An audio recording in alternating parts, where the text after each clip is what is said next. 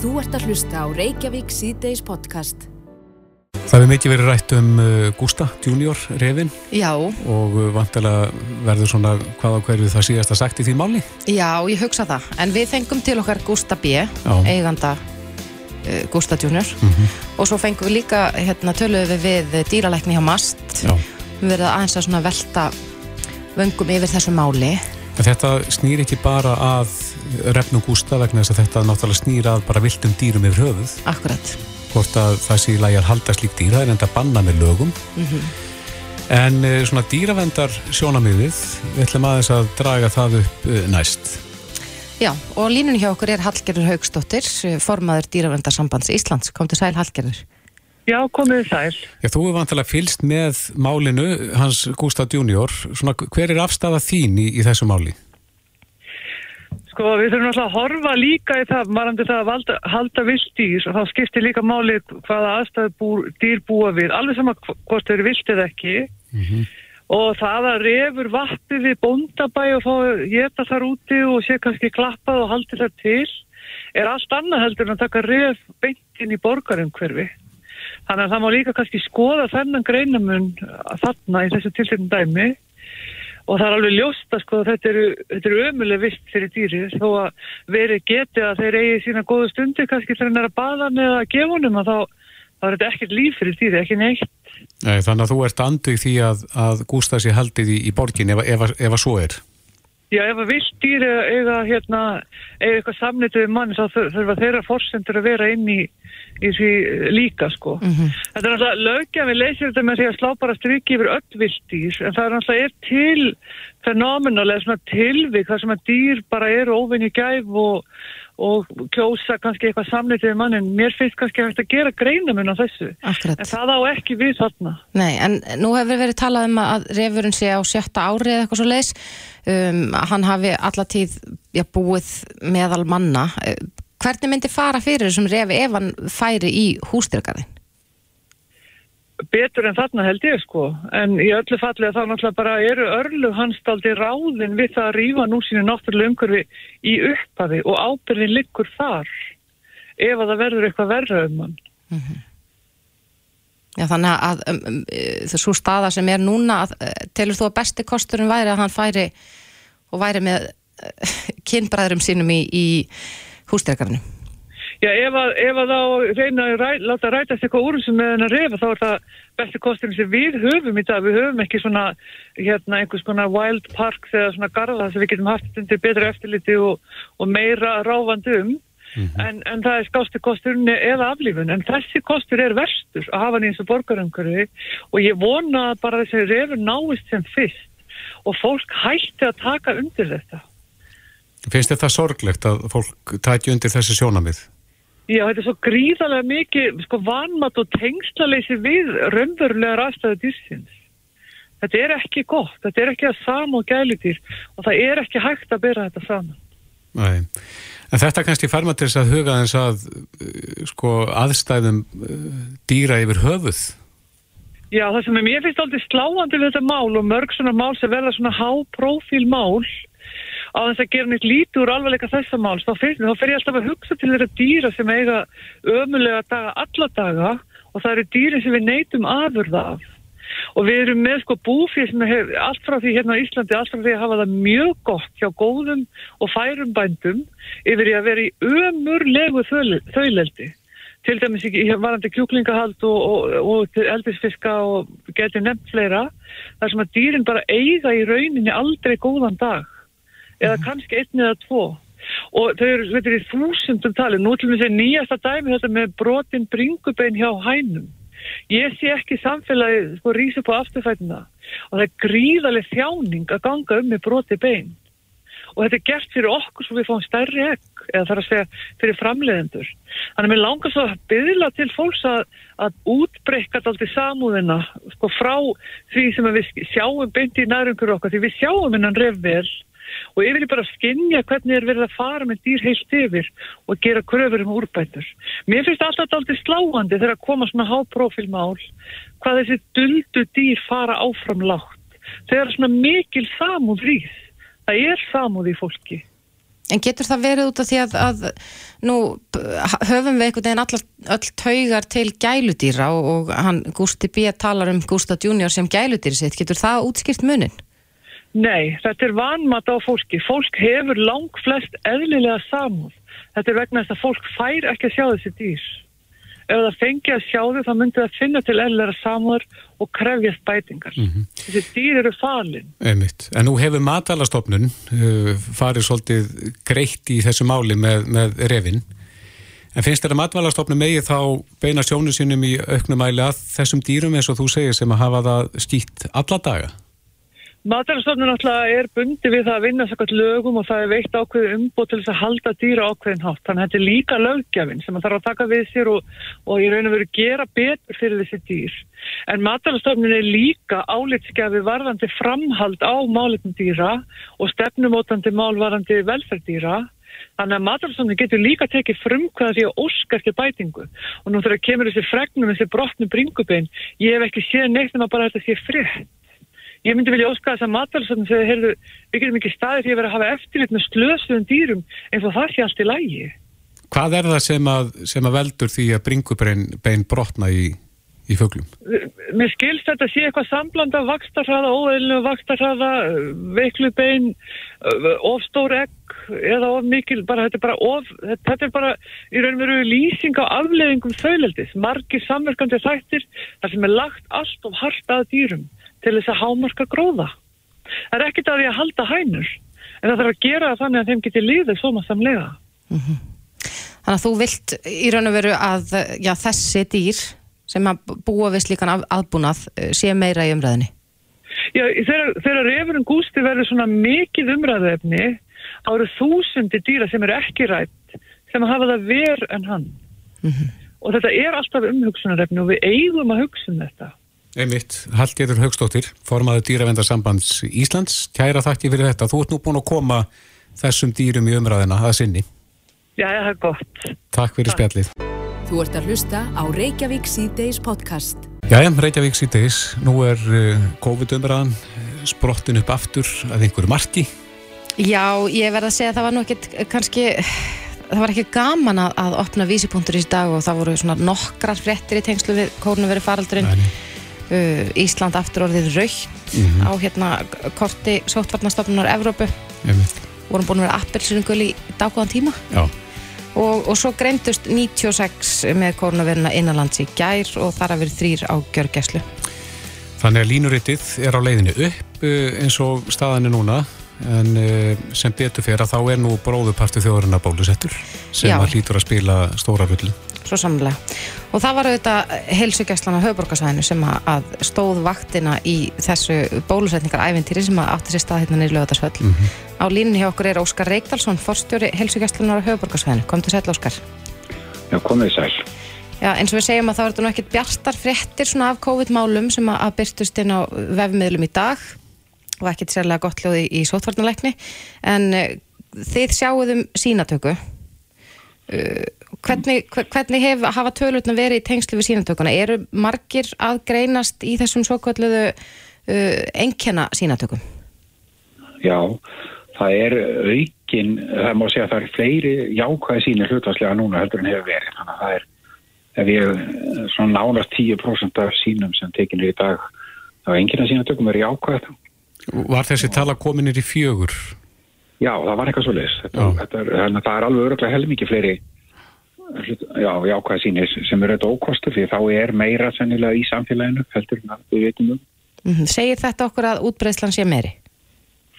Ég held að það sé ekkert álíkt að það, að það sé meira um COVID heldur en að við, já, heldur en að við svona sjáum augljóslega. En það hefur verið að uh, gefa þriðja skamtinn núna er það ekki til vissra hópa?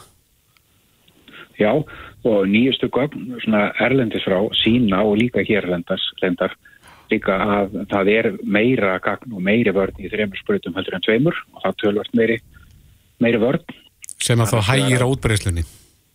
Já, það hægir á útbreyslunni því að það er svo mikilvægt að líka að með sé í góðri þjálfun að hann sé búin að framlega þessi mótefnu nokkur sinna þegar hann sé hann kemst í tæri við smitt. Mm -hmm. Þannig að þetta er náttúrulega bara æfingar alveg eins og líkansvægt að maður fyrir og æfir alla vöðvana og maður fyrir og gengur og æfir hjartað og er þá tilbúinari til að kljást við átökin hvaðan sem þau koma. Akkurat.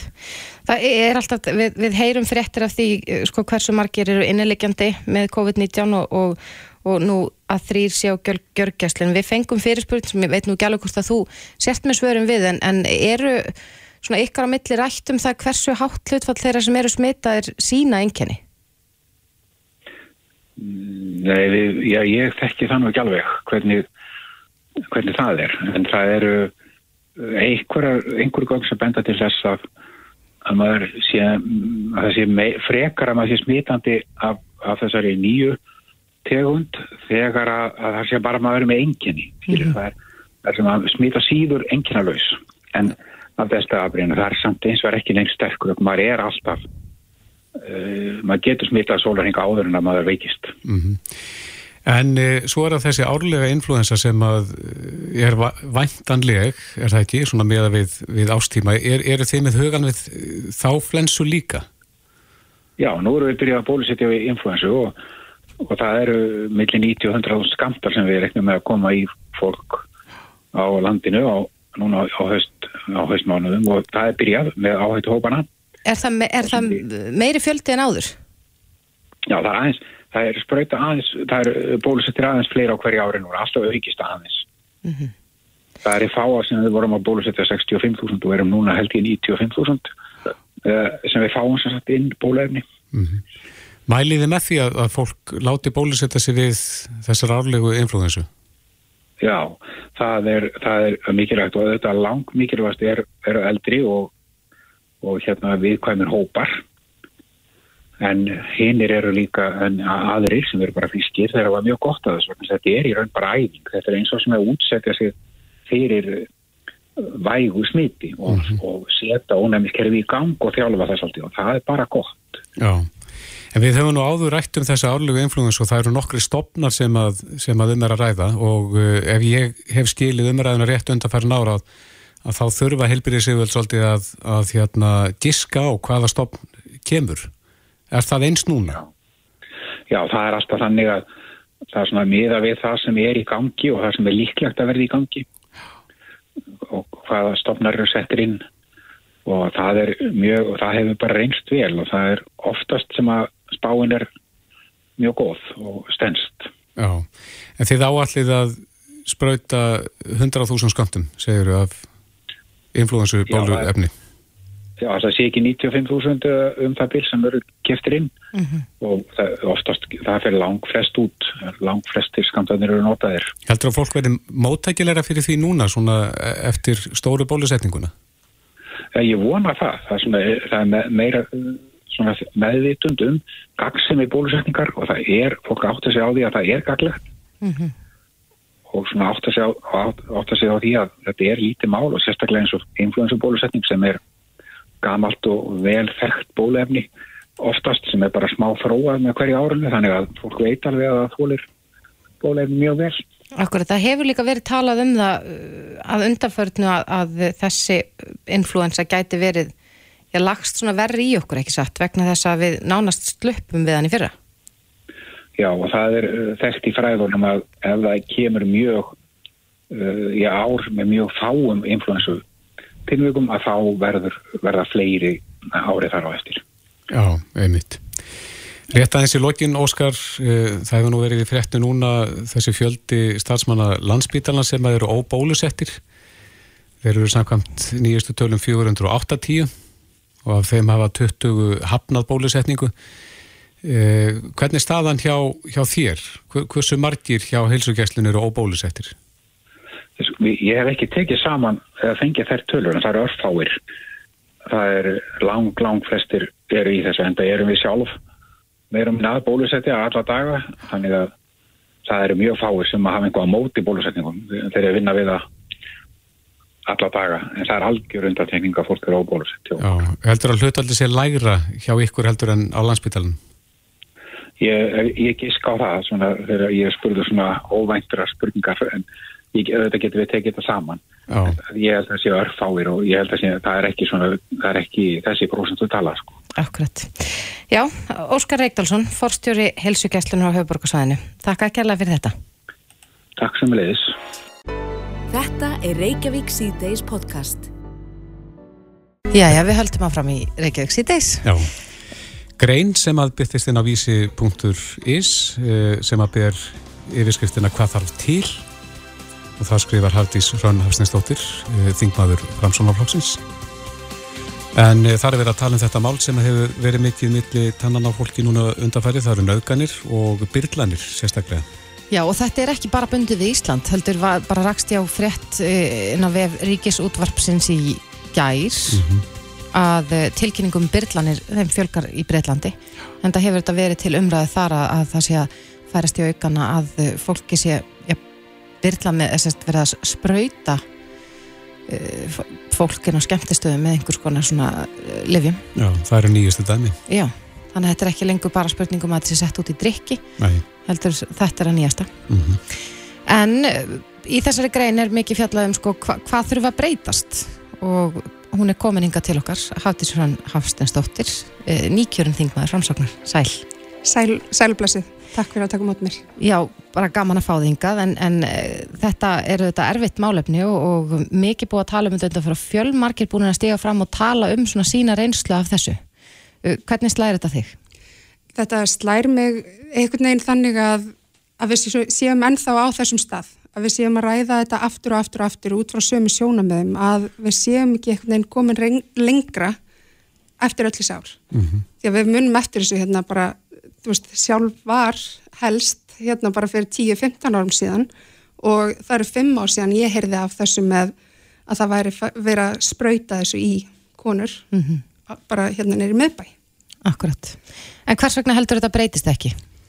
Uh, ég held bæði að það sé svona ákveðin ákveðið sko verklag sem við þurfum einhvern veginn að reyna að bæta að við getum gripið strax inn í þegar að, við, uh, þegar að einstaklingi grunar, brotaþálu grunar að honum hafi verið byrlað eða henni. Og þannig að við getum þá sett þetta strax í ferli því að svona, svona lif þegar það er beitt slíkri byrlun ólifjan þá er þetta í rauninni bara tveir sólarhingar sem þetta greinist í blóðinu, svo er þetta bara farið. Þannig að þú hefur ekkit rosalega langan tíma til þess að bregðast við sjálf og ég er ekkit svo vissum að allir, allir viti það að þú þurfur að fara strax af stað. Neiða, neyðamóttakan hefur eh, neitað að taka blóðbrúður nema að beini lauruglu og þetta hefur svona verið pínu klemma þarna að konur get ekki kært nema þær viti svona fyrir víst að þeim hafi verið byrlað. Akkurat og þá, þá er náttúrulega lengiru ferlið uppáfs aðgerðir enn frekar og við verðum einhvern veginn að re- reyna að veist, skýra þessa verkferðla þannig að við séum með fyrsta viðbræð alveg skýrt. Hefur kerfið verið að klikka?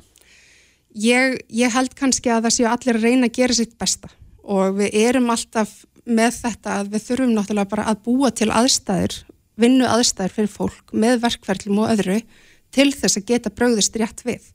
Til þess að, til, til dæmis þessi viðbrasaðilar geti þá bara tekið stöndug skref og vitað nákvæmlega hvernig á bregðast við þegar að viðkomandi kemur með, með grunn um þetta. Mm og ég vil leggur fram kæru. Akkurat, það hefur verið talað um að kostnaðurinn á, á bakvið það, sko, hvert blóðsýni sé mikill og það þurfa að skema fyrir mörgum, og við veitum náttúrulega ekki hvaða lif eru notuð í, hverju tilfelli. Þarf að breyta því, þarf þetta að vera ja, aðgengilegra að tekin síðu blóðsýni þegar að grunur er um slíkt Já, ég svona, þetta er náttúrulega tölvöld flóki ferli núna að þú veist að neyðamóttakan geti í rauninni ekki greint þetta hjá sér að spítalinn í rauninni greinir bara tiltekin efni í blóði uh, skimar fyrir helstu fíknefnum og eitthvað svona þú veist, með þá heilsufar einstaklingsins í huga Já. en ég tel að það, það væri hægt að einfalda verk, þessa verkferðla tölvert þannig að við sjáum kannski eins og hún kom fram, hún Kolbrún Bendiktsdóttir núna í vikunni og sagði að það hefði aldrei verið ákært fyrir byrlun út af því að það vantar upp á sönnunina. Og af hverju erum við ekki að ná að sanna þetta, erum við þá að bregðast of seint við, er ekki verið að ná að greina blóðsýnin nógu hratt, hvað er það sem er að valda? Ég held að við þurfum bara að fara að spyrja okkur þessu spurninga svo að við getum laga þetta. Því að það er ekkit endalust hægt bara að stimpla það að þú hafi verið of drökkin. Akkurat, en það hefur auðvitað alltaf verið viðlóðandi þessu umröðu að, að, að konur skuli passa drikkina sína. Akkurat. Finnst þér tilöfnum til þess að, eða hefur ekki orðið breyting á að einhverju leiti að, að við erum farin að beina sko, spjótunum frekar að gerendum heldur en þólendum að, gerendur hætti að byrla en ekki að konur passi drikkina? Jú og í rauninni liggur það svolítið, við þurfum að byrja grunninu. Án þess að gerendur séu að gera þetta þá erum við ekki að horfa fram á að séu byrlanir, ólefjan og nöðganir og allt þetta. Við þurfum einhvern veginn að reyna að grípa fyrr inn í til þess bæðafræða í staðan fyrir að við þurfum að fara aftur í það núna að bara já, svo passaði að fá þér bara drikk í flösku og setja puttan onni, onni gatið. Þú veist, þetta er ekkit, það er ekkit í lægi við að við séum ennþá þarna. Við þurfum einhvern veginn að ná að stíga út úr þessum vítaring til þess að við getum sko byrjað að taka betur utanum þetta fólk því að það er einmitt það sem þau eru að tala um núna. Þú veist, það hefur verið rosalega hávært í umræðinni að, veist, að það mæti þessum þólundum ákveðu úrræðalisi og það er einmitt það sem að ég svona hef einhvern veginn orðið áskynja af lestri frétta undanfartinu daga er að það er bara úrræðalisi og ég held að það stafi frekar af því að við, við hugsum ekki nógu langt fram í tíman. Ég, ég er svona, ég vil aðeins að við fyrir að skoða verkferðlana og líka bara til þess að tryggja að allir gangi öryggir inn í þessar aðstæður, bæði laurugla og neðamóttöku aðlar og, og líka brotaþóli. En þú ert nýkjörnum þingmaður, serðu fyrir að, að þetta verið tekið fyrir á þingi, getur lögdjafin gert eitthvað? Það er náttúrulega, það svona, hefur aðeins vakið aðtiklum mína að í Noregi og fleiri löndum þá hefur við verið að skoða, veist, þá hefur verið að koma fram með svona samþekkis lögjöf sem að tekur bara beinlinis á því að, þú veist, með bara sérstökum hætti að sko nöðganir og í rauninni kynlíf án samþykis sé í rauninni ofbeldi. Við erum með mjög skýrt laga á hvað hjá okkur sem að tekur á þessu en það er náttúrulega bara breyttu tíðrandi og ef við verum að horfa á enn grófari byrlanir með til dæmis sprautunólum því að ég hef heyrt að þetta sé bara svona eins og einhver klípið að þá þurfum við kannski að fara að endurskoða endurskoða eitthvað hvernig við erum að taka á þessu. En ég, ég held að laugin eins og staðan er í dag takir mjög vel á þessu en við þurfum bara kannski að skoða á fyrirstegum bara fyrstu aðgerðir. Akkurat. Uh, Hafdís Hrönn Hafsteinsdóttir uh, Þingmaður Framsóknar. Takk kærlega fyrir komuna. Takk fyrir mig Reykjavík síðdeis á Bilginni podcast. Jæja, Reykjavík síðdeis í síðustu viku þá byrtist grein inn af vísi.is sem að ber yfirskriftina öldrunafordómar, landsbítalin og heilbyrðis þjónustan. Já, ég rakst á þessa grein í dag en þarna er verið að tala um að sko orð og hugtök sem við heyrum mjög oft fráflæðisvandi, útskriftarvandi og fleira, eh, já, gefi það mynd að aldraðir einstaklingar séu vandamál að þessu fyrir og að þurfum við að leysa vandan Mm að þessi orðræða já, gefi til kynna eh, já, svona ákveðna fordóma, aldursfordóma. Og það er verið að tala um að, að eh, það þurfi að leita leiða til þess að leysa sko, vandan á, spítalunum og í heilbreyðskerfinu sem slíku en ekki vandan sem að, að aldraðir eru. Mm eða eru ekki. Hinga til okkar er komin Ólafur Samuelsson frangvæntastjóri lækninga á hjúkunaheimilinu Eir og ráðgifandi sérfræðingur í öldrunalækningum, kom til sæl Takk fyrir. Já, þeir eru nokkur sem skrifið þessa grein eh, hva- hvað fekk ykkur þess að, að, já, byrta þetta? Já, við erum öll öldrunarlæknar og öll með reynsla því að vinna á landsbytalanum og reyndar víða í kerfinu og við erum í raun og veru svolítið að setja fram hugsanur og ábendingar sem að öldrunarlæknar hafa reynd að tala fyrir árun saman. Eh, Við erum að benda á náttúrulega þessa orðræðu sem þú minnir sem er alltaf dálítið neikvæð. Og það er vissulega mikill vandi en hann er bara ekki þeim að kenna sem leita til spítalans, hann er miklu meira kerfislægur en hann er alltaf leistur á sama hátt finnst okkur að mörguleiti auðvitað er þróunni þess að maður lítur 10 og 15 ár tilbaka það er ýmislegt gerst og ýmislegt þróast í þjónustu, helbriðstjónustu yfir leitt viðbútur og ræðslikt en við erum alltaf svolítið mörgum árum og eftir finnst okkur. Og svo þurfum við að nútíma væða í fyrsta leið þurfum við að hugsa kerfið upp á, upp á nýtt þar að segja samþætta það og hafa fjölbreyttari úrræði. Það þarf að skilgreina vel hvað þarf að vera á spítalunum og hvað þarf ekki að vera þar. Og það þarf að allt þetta þarf samt að gerast þannig að það sé faglegt og gott. Mm -hmm. en það þarf líka að hugsa sjúgráðstjónustuna upp á nýtt þannig að hún það er oft talað um til þess að bráðamóttak sé ekki gott, góð fyrir gamalt fólk eða vissar deildir sé ekki góð fyrir gamalt fólk til lengdar eða fólk, gamalt fólk með mörg vandamáli ekki heima hér og slíkt því að deildin sé sérhæð en við þurfum að fara að breyta þessu vegna þess að það er svo mikill fjöldi fjölveikra aldrara sem veikist að það þarf að hugsa sjúgráðstjónustuna þannig að hún þjóni þessum hópi sem er sístækandi Já, og hvað reyna að koma í vekk fyrir það eins og við bætum að þessir greina að það verði óþarfa til dæmis það sem við kallum færnitab að fólk sem kemur inn og er kannski með þokkarlega sjálfsberga getur heima hjá sér.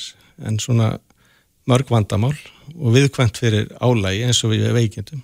Lendir að fá lúnabolgu og e, fær ekki næga næringu, ekki næra reyfingu og ímislegt svona. Kannski óþarlega róandi lifa slíkt, lendur í óráði e, lítið hreift og eftir vikutíma þessi einstakleikur ófærum að bjarga sér eins og að gata áður í staðin fyrir að þessum þörfum er synd á svona fjölfaglan og fjölþættanhátt og, og mjög virt að þá dregum og líkunum á slíku farnetabi. Mm -hmm. Mingar líkunar á að sé erfitt að útskrifa fólk og mingar líkunar á að þurfa að býða lengi eftir að fara í endurhengu eða hreinlega á hjúgruna Þeir skrifið þessa grein og þarna nefniðu öldrunar fordóma. Finnst ykkur í umræðinu eins og uh, það sé talað um aldrei séu fyrir? Já, það er náttúrulega talað mjög mikið um það að varðandi landsbytalan og Að þessi að teppa önnu rúm og, og slíkt? Já, einmitt. Ég sko kannski benda það að það er mikið og líka hjá stjórnendur landsbyttalans talaðum að það að fólk sem er að býða eftir að komast í hjúgrunheimili með svo kallar færn og helsum að, að það sé stort vandamál á landsbyttalunum. Það er vissulega vandamál, það er fyrst og fyrst vandamál þess að fólks býða á óviðandi staðið óviðunandi aðstæður oft. Þjónar illa þeirra hagsmundum og aðstandata þeirra það hefur eins og að sínt sig að það breytir engu fyrir bráðamóttökuna í, eða þess að þetta sem alltaf verið að tala með um bráðamóttöku sé alltaf full og sé ekki að koma fólki þaðan að það verist sæki sama farið eftir nokkra mánuði jábel þó fjölgjum alltaf þessum bráðabera úrraðum og það var eiginlega kveikjan svolítið að ég skrifa þessa grein að því að það eru núna enn einn bráðabera úrraðin fjölga tvíbilum á hjókurnaheimilum um, opna vissulega fleiri plása á landakoti en það er ekki búið að tryggja þar til mjög mönnum til eðlar endurhæfingar. Þannig að í raun og veru stefnir kannski í að þessi byggplás Vífistæðir átt að vera opnir í endur, endurskoðaðir eftir sex mánuði.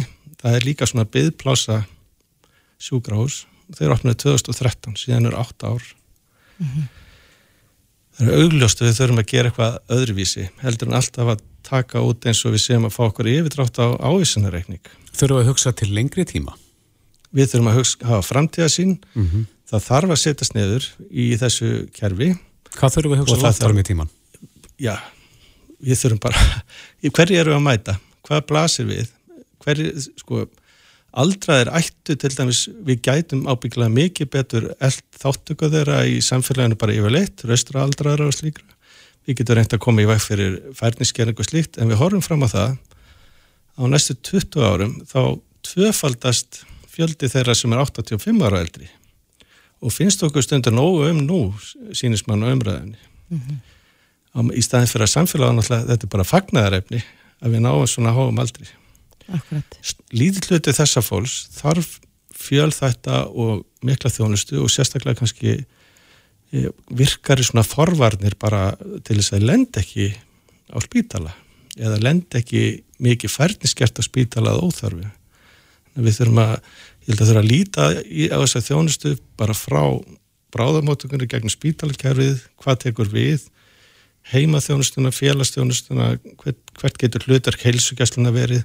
Við þurfum að ebla teimisvinnu út í samfélaginu, með teimisvinnu á maður við svona fjölfælega nálgun, þess að koma að læknar, hjúgrunarfræðikar, sjúkrarleðar, sjúkraþjálfarar, félagsákjafar til þess að fylgja eftir erfiðistu tilfell með að það sem fólk er að veikjast heima og maður sér að það stefnir í mikla færniskeningu. Svo eru við með stopnarnir sem eru stórar og miklar og sem þurfa að vera faglega sterkar sem eru hjókunarheimilin og gætu held ég haft mikið svona fjölbreyttari hlutverk bæði sem endurhægadeldir dagþjálfanir sem eru vissulega einhvern mæli líka með svo kallar millistyrstjónustu út í samfélagið þar sem að hægt er að nýta svona starðar eh, momentin í þessu þessu það er svona haugkvæmt að mhm. nýt, samnýta starfsfólk og slíkt. Þetta gerist ekki nema með svona einhverju heldrætni sín á kerfið. En þú tala um hversu langt áram í tíman þá þurfum við bara að horfa það hvað er að gerast. Það er að verða mesta breyting á aldursamsetningu mannleg samfélag sem er nokkuð tíman orðið í sögu þess. Þetta er búið að liggja fyrir -hmm. mjög, mjög. Eru ráðamenn ekki að segja á þessu? Jú, ég held bara við okkar hætti svo til að vinna í skindirlöstnum og svona sílóum. Við getum leitað til, ég menna það er allar þjóðir átt að sjá þessu, þetta vandamál ekki íslenskt, það er verða sumstaðar, sumur er löngufarnar átt að sjá þessu, byggja svo kallar aldursvæn sjúgrás sem að eiga dragur svona, við erum bara sérstaklega hönnu með það, dragur þessu færniskerningu, óráðu og slíku. Við erum með uh, eh, WHO eða hérna helbíðstofnuna sem er búin að setja mjög metnafyllt prógram fyrir þjóðir til að mæta þessari breytingu og þetta var meðalans svolítið tekið inn í stefnumótun í um, helbriðstjónustu aldraða sem nú bara kynnt hérna í ágúst. Og verður vonandi ekki plagg sem er lendi bara í skúfunni, það eru marga góðar hugmyndir. En það þarf líka að leysa mál praktist mm -hmm. En ættu við líka að já, huga að því að gera fólki kleift að búa lengur heima, að það missi ekki eins og segir færnina til þess að geta verið á svona einn heimili Já, ég held sko, við þurfum náttúrulega auðvitað að sko sinnum fólki með viðjandi heilbæriðstjónustu það sem það á við. Eh, gerum heimilin eða þjónustunum heimilin þannig að fólk geti verið þar á meðan að það er þeirra besta, besti kostur eða mestu lífsgæði í því fólkin það er ekki alveg sjálfsagt þegar maður er orðin mikið veikur eða mikið einmanna eða að hérna, eða á, mjög erfitt með að hérna að handera eða kópa við umhverju sittum að sem að segja svona slettinu og einhverju mm -hmm. að þá getur verið nöðsynlegt að vera hjókurna heimilin, ég held að við erum að reyna að fresta því eins lengi og við getum að því að það er mjög dýrt úr að því. En nótabenni þá líka að reyna að hafa þann metni að hjókurna heimili séu frábær staður að vera á þegar maður þarf á því að halda. Fín loka orð, Ólafur Samúlsson frangotastjóri lækning af hjókurna heimilinu Eir og ráðgjafandi sérfræðingur í öldunarlækningum á landsbytalanum. Kæra þætti verið komina Reykjavík síðdeis á bylginni. Það er eitt hlutur sem hefur verið lengi á óskalistan hjá mér mm -hmm. og vegna þess aðalega að þetta er yðja sem mér þykir alveg ofbáðslega leðileg og það er að reyksu. Já, ég held að þetta er gaman að taka til. Mitt gaman að taka til er mitt leðilt að þrýfa Já. eða öfugt stundum, það fer eftir hvernig skap ég er í. Mm -hmm. En allavega, þá eru reyksu róbótar eitthvað sem að ja, margir eiga í dag held ég og þeir eru allir miklu flottar en þeir voru. Já, er þeir ekki byrjað að skúra líka? Jú, jú, þeir skúra líka. En svo eru til robota sem að teikna upp rýmið. Þannig að þú færð bara í síman fullkomna mynd af rýminu. Já. þannig að þú getur þá stýrt honu betur hvaða svæðan á að reyksu eða skúra. Þetta hljómar mjög vel, ég hugsa bara að það væri svo góð tilfinning að koma heim úr vinnunni mm -hmm. og þurfa ekki að reyksa. Það er bara einhvern búin að gera það fyrir mig. Gólfið bara reynd og fínt. Gólfið reynd og fínt. En þeir eru misjafnir. Já, þeir eru vist misjafnir. Ég rakst hér á inn á uh, vefsíðu neytendasamtakana að uh, neytendasamtökin voru að gera gæða könnun á reyksugur róbótum mm -hmm. og þar kemur ímislegt spennandi ljós og á línunni hjá okkur er Brynhildur Pétursdóttir framkvæmdastjóri neytendasamtakana og reittstjóri neytendablaðsins. Kom til sæl Brynhildur. Sælverði Já, þið voru að gera gæðakönnun á þessum tækjum sem er, er efsta óskalistan hjá mér. Hvað kom út úr þessari könnun í ykkur? Já, við hérna, erum í allstöðlegu samstarfi um, sem hérna, neytita samtök hafa tekið sér saman og gera gæðakonnunir á ymsum vörum mm. og uh, við uh, byrstum hérna gæðakonun á Riksauðrópatum. Það þýðir að við förum inn í gagnagrunnin hjá þessum alltaf samtökum týnum út þær tegundir sem við finnum hér á markaði og búum síðan til töflu með þessum tegundum og þeim einhvernum sem það er fengun. Jáhá. Og við, uh, sagt, já, og, og þessi, þessi tæki, eins og þú segir, þetta eru mjög hérna, áhugaverð tæki og framfært að láta eitthvað dynna verki fyrir sig en þau, robotarnir eru ekki að standa sig eins vel eins og gamlu góðu ríksugurnar Er það minna sem að maður bara gengur um íbúin og ríksuða með? Já, og almennt eru ekkert að standa sig mjög vel. E, fer algjörlega eftir í stand hvernig, í hvernig rými og það standa sig best í rými með sléttu gólfi mm -hmm. e, og lítið af hindrunum. Leður komið teppi og húsgögn og leiðslu og þess að það er þá lendaði flestir í, í vandræðum og það er til dæmis skoða þú veist þetta eru mjög vandar kannanir þeir eru búið til um, eins og stofu og náttúrulega aðferðafræði þannig að þú veist hver einstu róbóti fyrir gegnum sama prófið og það eru milsna sem er sett á golfi, það eru rík sem er sett hér og þar og svo er þetta allt mælt og metið. Og þeir eru sniðið til dæmis að taka upp svona milsnu og, og, og tannidótari á golfi mm -hmm. en dýrahár til dæmis sem er í teppum uh, almennt er ekki að ná þeim vel. Þannig að og það sem er líka kannski sérstaklega áhuga að það er ekki þannig sem samhengi á milli verðs og gæða að þetta var að þú kannski að kaupa eitthvað meiri luxus í einmitt eins og að þú geta skipa á hann fyrir og, og að flestu stíðum þannig að þá það getur verið eitthvað svoleiðis en, en framistæðan sem slík hversu vel við ríksuga um, þeir eru bara nokkuð koma nokkuð jafn út á að segja mm -hmm. Var einhvers einn tegund sem að fekk ja, bestu einhvern eða betri einhvern en aðrar? Já, í uh, af þeim tegundum uh, sem við fundum á markaði og er í kornunna því að við höfum alveg verið líka bænd á það að það geta verið tegundir sem eru hér á markaði sem eru góðar en eru ekki í gæðakonunni sér því að Mm -hmm. Það var tegund sem að heitir, ég veit ekki alveg hvort það á betra fram, Nito eða Neato mm -hmm. um, sem að er reyndar á tilbúsverði og heldur að við tengist allaveginn í Elko, hugsalega á fleiri stöðum sem er sko á 60 skrunum á tilbúði allaveginn þegar við tökum verði meðan oktober og næsta sem kemur eftir kostar 160 mm -hmm. Ég þekki þetta nú aðeins, ég, ég á svona ríksugur robot, þú nefndi það að, að þeir eru misjafnir eftir sko fyrirstöðum Já, hann virkar þannig að mér að, að það er teppi í stofin og hann á ekkert í vandræði með að fara upp á teppið og þar eigur hann aðeins kraftin, hann setur aðeins meira power í, í sógi mm. þegar hann komin á teppi, þannig að hann verist ekki að munin á bara parketti og teppi. Einmitt, greinlega klár, klár robot og ég myndi segja að sko, hvað sem að, um að teku bara þessum robotum uh, eins og þeir eru, ég er ekkert, þú veist, það er alveg að sjálfsög ef ég er með ryggsuguna sem að ég get setta mesta kraft og farið út í öll hot þá næ betur árangri en ég þarf líka sjálf að standa með ryggsuguna að ég á líka ryggsugur robot og einmitt og maður getur stundu látið hann bara vera eitthvað að mjalla inn í einhverju herbyggja þarf ekki að spá í hvað að gerast og sér bara allt ríkið sem kemur í hólfið og þá veit maður að þetta hefur hann hérna að hann hefur alveg unnið styrtu verk en, en það sem að kannski svona gæða kann hann hjálpa okkur við er að að við sem neytundu viljum auðvitað alltaf vera að fá sem mest fyrir peningin mm -hmm. Og, og þar geta gæðkonur verið, verið góðar því þetta dýna þá bara fram á hlutist mat á því hvernig er þess að vera að standast í. Og það er ekki alltaf fannig að dýrast að græjan er svo besta. En geta neytendur eitthvað að sé þennan samabur hjá okkur svona þeir sem eru í þessum hugleggingum í dag? Já, við erum með uh, þessa konun opna hjá okkur. Almennt eru við uh, bara með þess að geða kannanir fyrir félagsmenn því að náttúrulega kostar, þetta fyrir okkur að vera í samtökum og við þurfum að vinna þetta þannig að um, en þessi er ofinn sem og önnur mjög áhugaverð um, klósatrensi sem ég mælu sérstaklega með líka. Jaha. Og svo er kannina, það eru opnar eins og er, það er þetta bara, þú veist, við, hvernig við þetta fólk bara til að gera stjala og hjálpa að gera þessu flestar taka þátt þessu flestum geðakonunum Akkurat.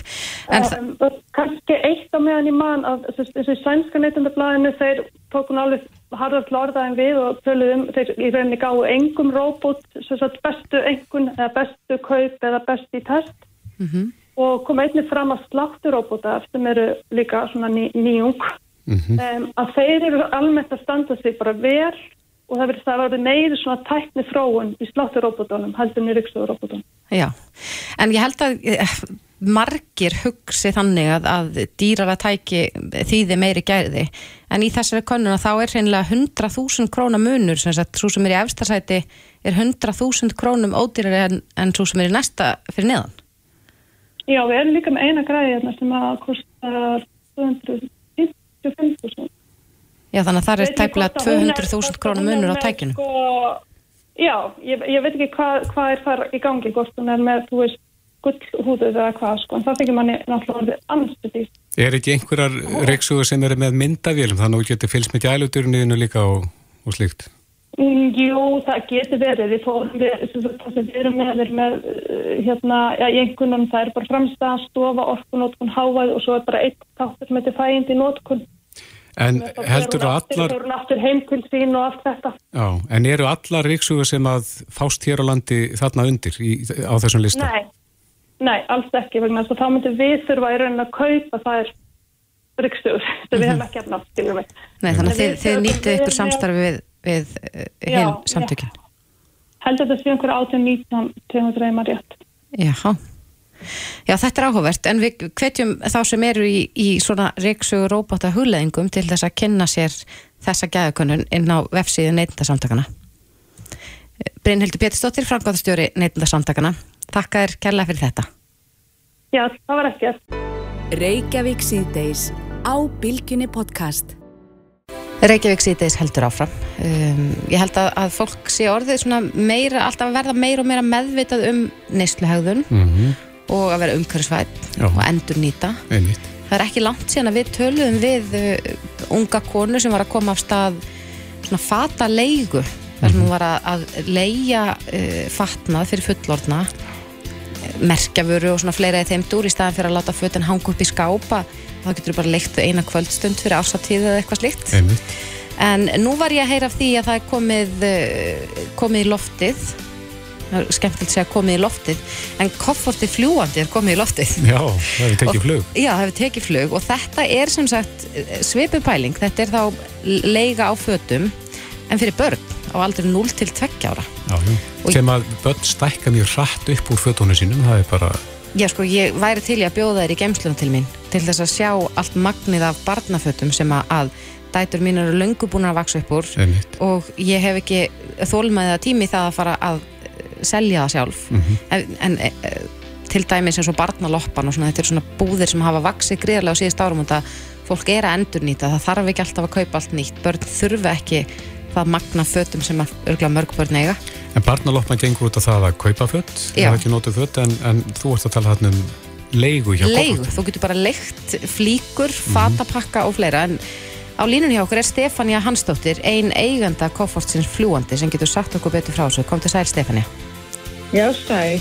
Já, þetta, þetta er nýlunda, þetta verður ekki verið til hér áður. Segja okkur aðeins út á hvað þetta gengur Já, þetta gengur sérst bara út af það að hérna, ef þú ert með batna á aldrinu 0-2 að þá uh, erum við að bjóða upp á svona mánaráskrift af fatapökkum og í uh, fatapökkunum er alltaf helsta sem við teljum að fólk þurfi. Og það fer svolítið eftir því hvað starf þetta er, þú veist, minnstu starfinnar eru aðeins fleiri náttgalar og svo breytist þetta aðeins eftir því hversu svona hreyfanlega bönnum verða. Mhm. og þá virkar þetta bara þannig að þú kemur í áskrift, færð pakkan sendan til þín og færð fjölnóta póka mestan okkur í gjöf uh, sem þú getur notað í búðinu eða hvað sem er og svo þegar barnið stækkar og þú uh, hefur þörfaði að fara í næstu stærð að þá uh, heyrur í okkur og svo bara skiptur út á koll og kolli og alveg upp í fyrstu tvö árin. Sendir pakkan tilbaka Já, og svo fer sá pakki, já, svo fer sá pakki þá vantilega bara þá aftur í, í leigu til einhvers annars. Já, hann fer þá bara í útlegu á meðan hann leifir og við förum við lefi fötin og höfum ákveð svona gæði eftirlit sem við ætlum að fara eftir og við þrýfum og lögum eftir starf og, hérna, og leiðum það síðan bara aftur út þar sem þeirra er þörf. En þetta er komið af stað, hafið þið fengið góð viðbröð við þessu? Ég, ég verð bara að segja eins og fyrir sjálfa mig þegar ég átti börn á þessum aldrei að ég hefði örgulega guðsljóðandi fegin vilja losna bara við fötin strax sem að voru orðin og lítil. Já, einmitt. Uh, jú, veist að við náttúrulega bara opnum núna bara sko þriðudaginn þannig að við erum bara aðeins að byrja að auglýsa okkur og aðeins að tala um þetta og hérna þetta er náttúrulega alveg nýtt þannig að það tekur alltaf smá tíma to sink in Mm Þannig að nokkuð finnst þetta, hérna, við erum búin að vera að vinna að þessu í ár. Þetta er bara, hérna, hugmyndin kviknaði bara í samtali hjá okkur maðurunum þegar við vorum að spjalla saman og, og við erum sérst bara búin að vera að þróa þetta í ár. Svo okkar hefur kýlum á þetta, græðum þetta og svo bara bam boom. En þegar við verðum að sankaða ykkur fötum vantarlega þá á, á þessum tíma? Er, eru þetta notuföt sem að þið hefur verið að fá eða eru þau ný? Eða sko við höfum verið að kaupa nýfött en svo erum við með nokkur útifött líka sem að við erum að bjóða upp á í svona stakarlegu. Uh, það eru notuð, notarflíkur sem að þú veist hafa langan tíma eftir en þú veist ég minn ofta maður að kaupa þú veist galla alveg dýrum rosalega dýrum dómum og hérna og svo nota maður þetta kannski bara í þrjá mánuði. Já, ég held líka að, að það eru þetta, barnafötur eru þetta ekki ódýr vara og Nei. mér líður allavega eins og verðið hafi farið upp á við að þessi komin svona ákveðin barnafata tíska sem að margir fylgja. Mm Er, er þetta í takt við tískuna þau fött sem að, að þið leiðið út?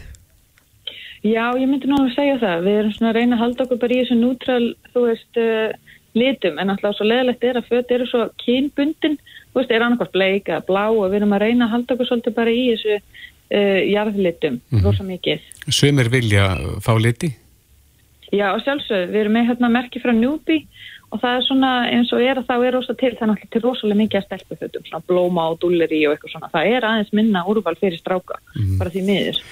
En hvað kostar svona pakki? Sko það eru 14.900 er bara mánaða leigan og þú getur skipt um, þú veist, hérna til dæmis eins og í mínu tilfelli að þá uh, kom strákurum minn sem fættist bara nummer fjögur. Uh, hann passaði aldrei í 56 af því hann var bara 21,5 mörg þegar hann fættist þannig að bara öll fyrsta skúfa var bara ok, við þurfum bara 62 þannig að hérna, hann passaði ekki neitt til dæmis. Þannig að þú getur bara skipt um eins og þér hendar Og er fólk að koma út í plús? Þar að segja nú ég, hef ég ekki verst inn í svona barnafötum en, en er ódýrar að, að leia heldur en að kaupa? Sko ég, já, við viljum meina það að þú veist að sama þess að það sem að við erum að leia til dæmis bara í starf, segjum 56 að ef þú myndir kaupa nákvæmlega sömu hluti bara út í búð sem að við erum með í pakkanum að þá er þetta ekkert um 70-80 skall ef þú myndir fara að kaupa þetta nýtt að segja. Þannig að hérna, það er náttúrulega bara spurningum að vera bara með það sem að þarf og eigða meiri tíma saman og síðan bara að láta þetta ganga til næstu fjölskyldu og, hérna, og þess vegna bara einmitt að þú veist það sem barnaföld eru ekki ódýr en það er gaman að eiga falli föt á börni sín, það er bara, það er bara þannig. Að leifa sér þá að kaupa eitt sett eða tvö í hverri stærð og vera þá ekki með samanskupið yfir að eigi ekki fyrir hínu eitthvað svoleiðis, þetta er svona, svona brúin á milli, þú veist. Stefnið eitthvað á að, að bæta við fleiri, ég sést, fyrir hærri aldur? Nú er þið með fyrir 0 til 2 ára stefnið á að vera með fyrir eldri börn? Já, það er aldrei að vita. Það er, hérna, við ætlum að byrja allavega 0-2 ára, sjá, hérna, sjá hvernig markaðurinn er fyrir því, en svo þetta er maður náttúrulega alltaf með, bara það skæst the limit. Akkurat. Já, við hvetjum hlustendur sem æga börn á þessum aldri til þess að kíkja ná koffortið.is og kynna sér uh, þetta. Stefania Hansdóttir, ein eiganda koffortins fljúandi. Takk kærlega fyrir þetta. Já, takk sem leiðis. Hlustaðu hvena sem er á Reykjavík C-Days podcast. Cause I'm in the me bring the night light Shoes on, get up in the morning, cup of milk, let's rock and roll. Kink out, kick the drum, rolling on like a rolling stone. Sing song when I'm walking home, jump up to the top of the brown Ding dong, call me on my phone, nice tea and I'll get my ping pong. This is heavy, can't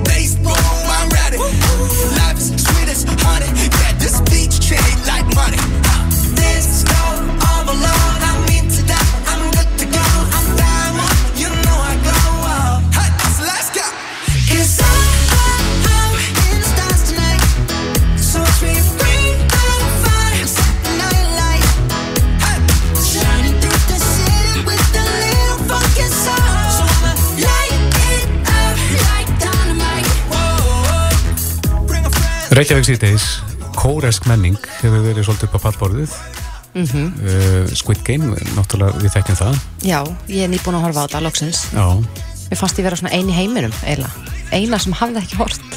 já, ég er búin að klára líka Já, Þannig að uh, sko þetta efni er, er hágjaða efni, við getum við sammálum það algjörlega. Hérna Virkilega vel vel gert. En svo er það hi- hinn, það er segja tónlistin, það er BTS, þetta strákamann.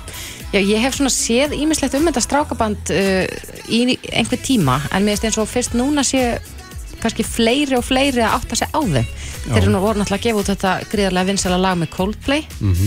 Og uh, ég, á, ég get bara sagt það ástæðan fyrir því að, ég hafði séð þetta bandir út af því að ég þekki eina uh, konu sem er já ég myndi segja allavega í svona topp þremur yfir mestu BTS aðdáðandur á Íslandi og það er hún Hulda Holmkjelsdóttir sem er komin til okkar, kom til sæl Hulda. Sæl og blessu Já, þú ert búin að fylgja þessari sveit í dágóða tíð, það ekki? Jú, það eru komin svona tvö og hálft ár núna. Það vor 2019 sem að ég fæði á upp í andliti í gegnum netið. Já. Hvað var það sem að heitlaði svona strax? um, Sko ég hefði vita af þeim í smá tíma í gegnum vinkonu mína. Mhm. uh, svo gáðu þeir út lag árið 2019 sem heitir Boy with Love á ennsku en á kórisku heitir það Poem for all the small things sem er miklu betri titill sem er bara svona ástalag. Uh, og myndbandi heitlaði með það var allt svona bleikt og pastilitað og, og einhvern veginn svona rosa gladlegt og ég hef mjög mikið áhuga á tónlist af myndböndum og ég hugsaði bara, vá, það er rosa produksjónina og það er verið er metnaður í öllu. Þannig að ég svona hugsaði, ok, kannski kannski ég, þú veist, læri hvað er heita og þeir eru sjö og fyrsta, ja, fyrsta leið náttúrulega eru þeir sjö og ég er ekki með nöfn. Uh, og svo eru þeir með sviðsnöfn og kóresnöfn þannig að þetta var svona, svo allt í einu þreim dögum setna vaknaði ég bara upp úr einhverju YouTube hildýpi og var bara komin á bólakaff og hef ekki getað hætt síðan. Kólfallin. Ég sé hérna, ég er hérna á Spotify. Mm. þegar þú nefndir hérna Coldplay-lagið My Universe uh, sem er komið með 151 miljón spílana Mhm. þannig að þetta er gríðarlega stórt en uh, svo er hérna lag með þeim sem heitir Dynamite sem að bætur um betur 1,1 miljardur spílana já þannig að þetta er gríðarlega stórt Þetta er greiðlega stórt. Dynamite kom út fyrir svona um það vel ári síðan, minni mig. Og það er fyrsta lagi sem er gáð út alveg á ennsku sem var svona eiginlega búið til fyrir amerískan markað, þar sem þeir voru orðin mjög vinsalir. Og uh, já, þannig að þeir hafa gefið út þrjú alveg ennsku einir og svo þetta með Coldplay sem kom út um daginn. Og þau eru bara, þeir eru svona virast vera óstöðandi núna. Það er, er Já, akkurat, það er svona það sem maður færa aðeins á tilfinninguna en, en eh, eins og fyrir þig, þú, þú talar ekki kórusku N- Nei, ég hef reynd að læra hana Já. Það er mjög erfitt Akkurat, þetta, ég meina, ég bara mér fannst alveg smá erfitt að horfa á Game út af því að stundum getur maður aðeins pikkað upp eitthvað í tungumálum en, en kóruska var ekki þar, allavega fyrir mig Nei. en tr tröflar þið ekkert að að hlusta á tónlist þar sem þú skilur ekki textan? Nei, uh, eiginlega ekki. Sko, K-pop er bara rosa mikil yðnaður það fer rosa mikið í uh, allt bara frá búningum og, og hérna, hverjir fari í hljómsveitina og hvernig þeir dansa og hvernig tólist er búið til og svo og hluti af því sem er gert til þess að heilla aðra menningar heima er að það er alltaf eitthvað svona ennsku skot inn í öllum lögum. Eða þá annarkvort eitthvað svona na na na la la la eins og við þekkjum bara frá bílunum til þess að geta svona sönglað með eða þá einhver svona, svona orð hér og þar. Þannig að maður getur alltaf svona einu sinni og einu sinni stokkið inn í lögin en annars tröfla mig ekki nei það líka bara sko, fallið tungumál. Já, en, en eh, það hlýtur að vera, sko, maður sér ekki oft svona hljómsveitir sem að syngja það á sínu svona, eh, móðurmáli sem ná svona langt. Heldur að sé þá bara þessi ennsku lög sem er að koma út núna sem er að slá í gegnum allan heim? Nei, ég held sko þessi ekki til dæmis tilviljun að það sé BTS því að K-pop er, er fyrirbæri sem hefur verið vinsælt alveg eh, svona í, í ekki undir heimum internetsins en svona, í, á, svona ákveðum afkjumum internetsins í tölverð langan tíma. Uh, og þetta svona, þær hljómsveitir sem eru vinsæla núna þær eru kallað þriðju kynsluðar K-pop. Uh, ég man ekki alveg hvort að BTS flokk sem ön- önnur eða þriðja kynsluð það er svona mitt á milli en það er sko margt vist unnið að því að gera á vinsæla.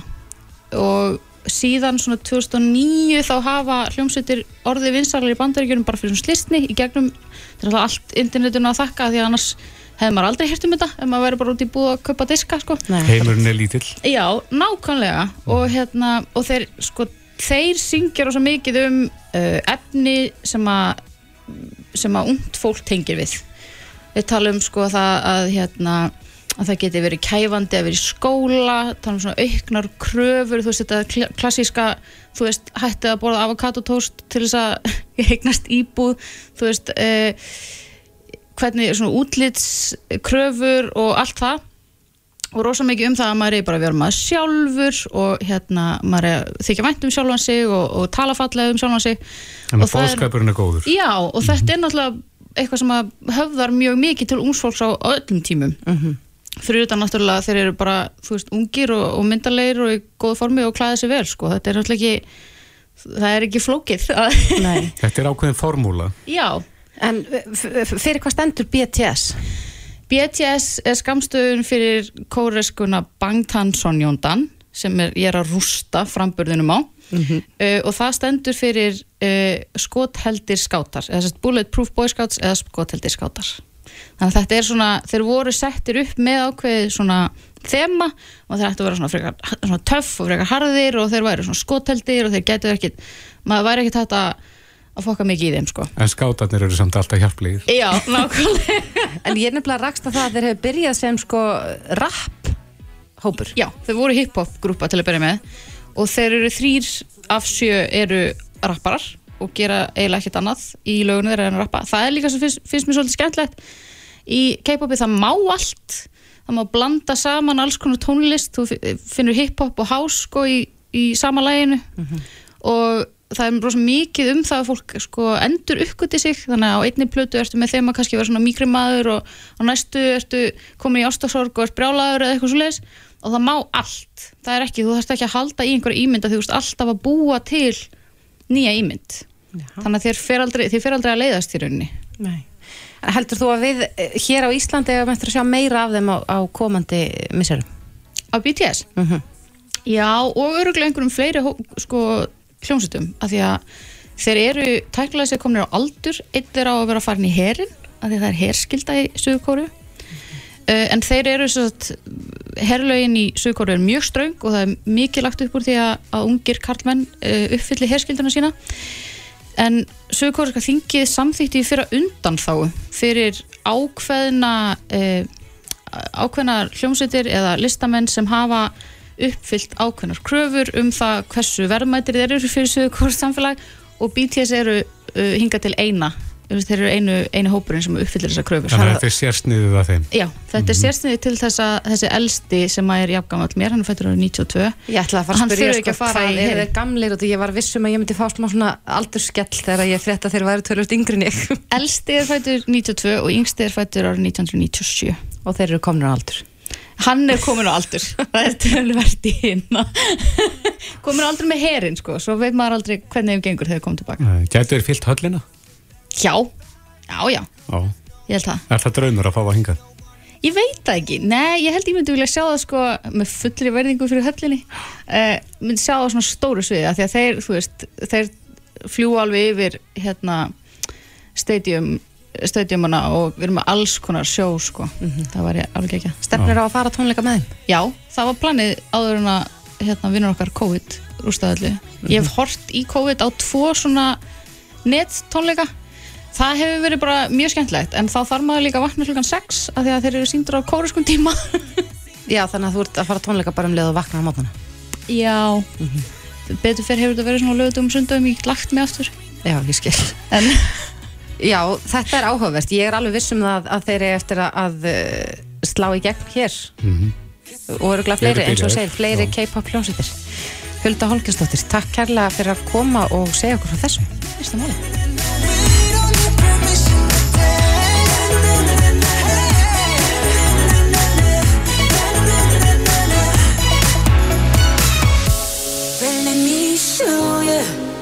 that we can keep the fire alive. Þetta er Magna Band. Já, og bara gaman að heyra svona aðeins meira um það. En það held ég að við munum sjá meira af því í framtíðin. Já, ég held að þeir séu bara búinir að eignast fjölmarka aðdándur hér á Íslandi bara á stundum tíma. Já, ég held að líka. En það er komið að fréttum frá fréttastofu hér eftir augna blik. Við verðum hér eftir á ferðinni á morgun klukkan fjögur. Þórdís Valsdóttir, Kristófur Helgason og Bræði Guðmundsson þakka verið sig að sinni. Verið sæl.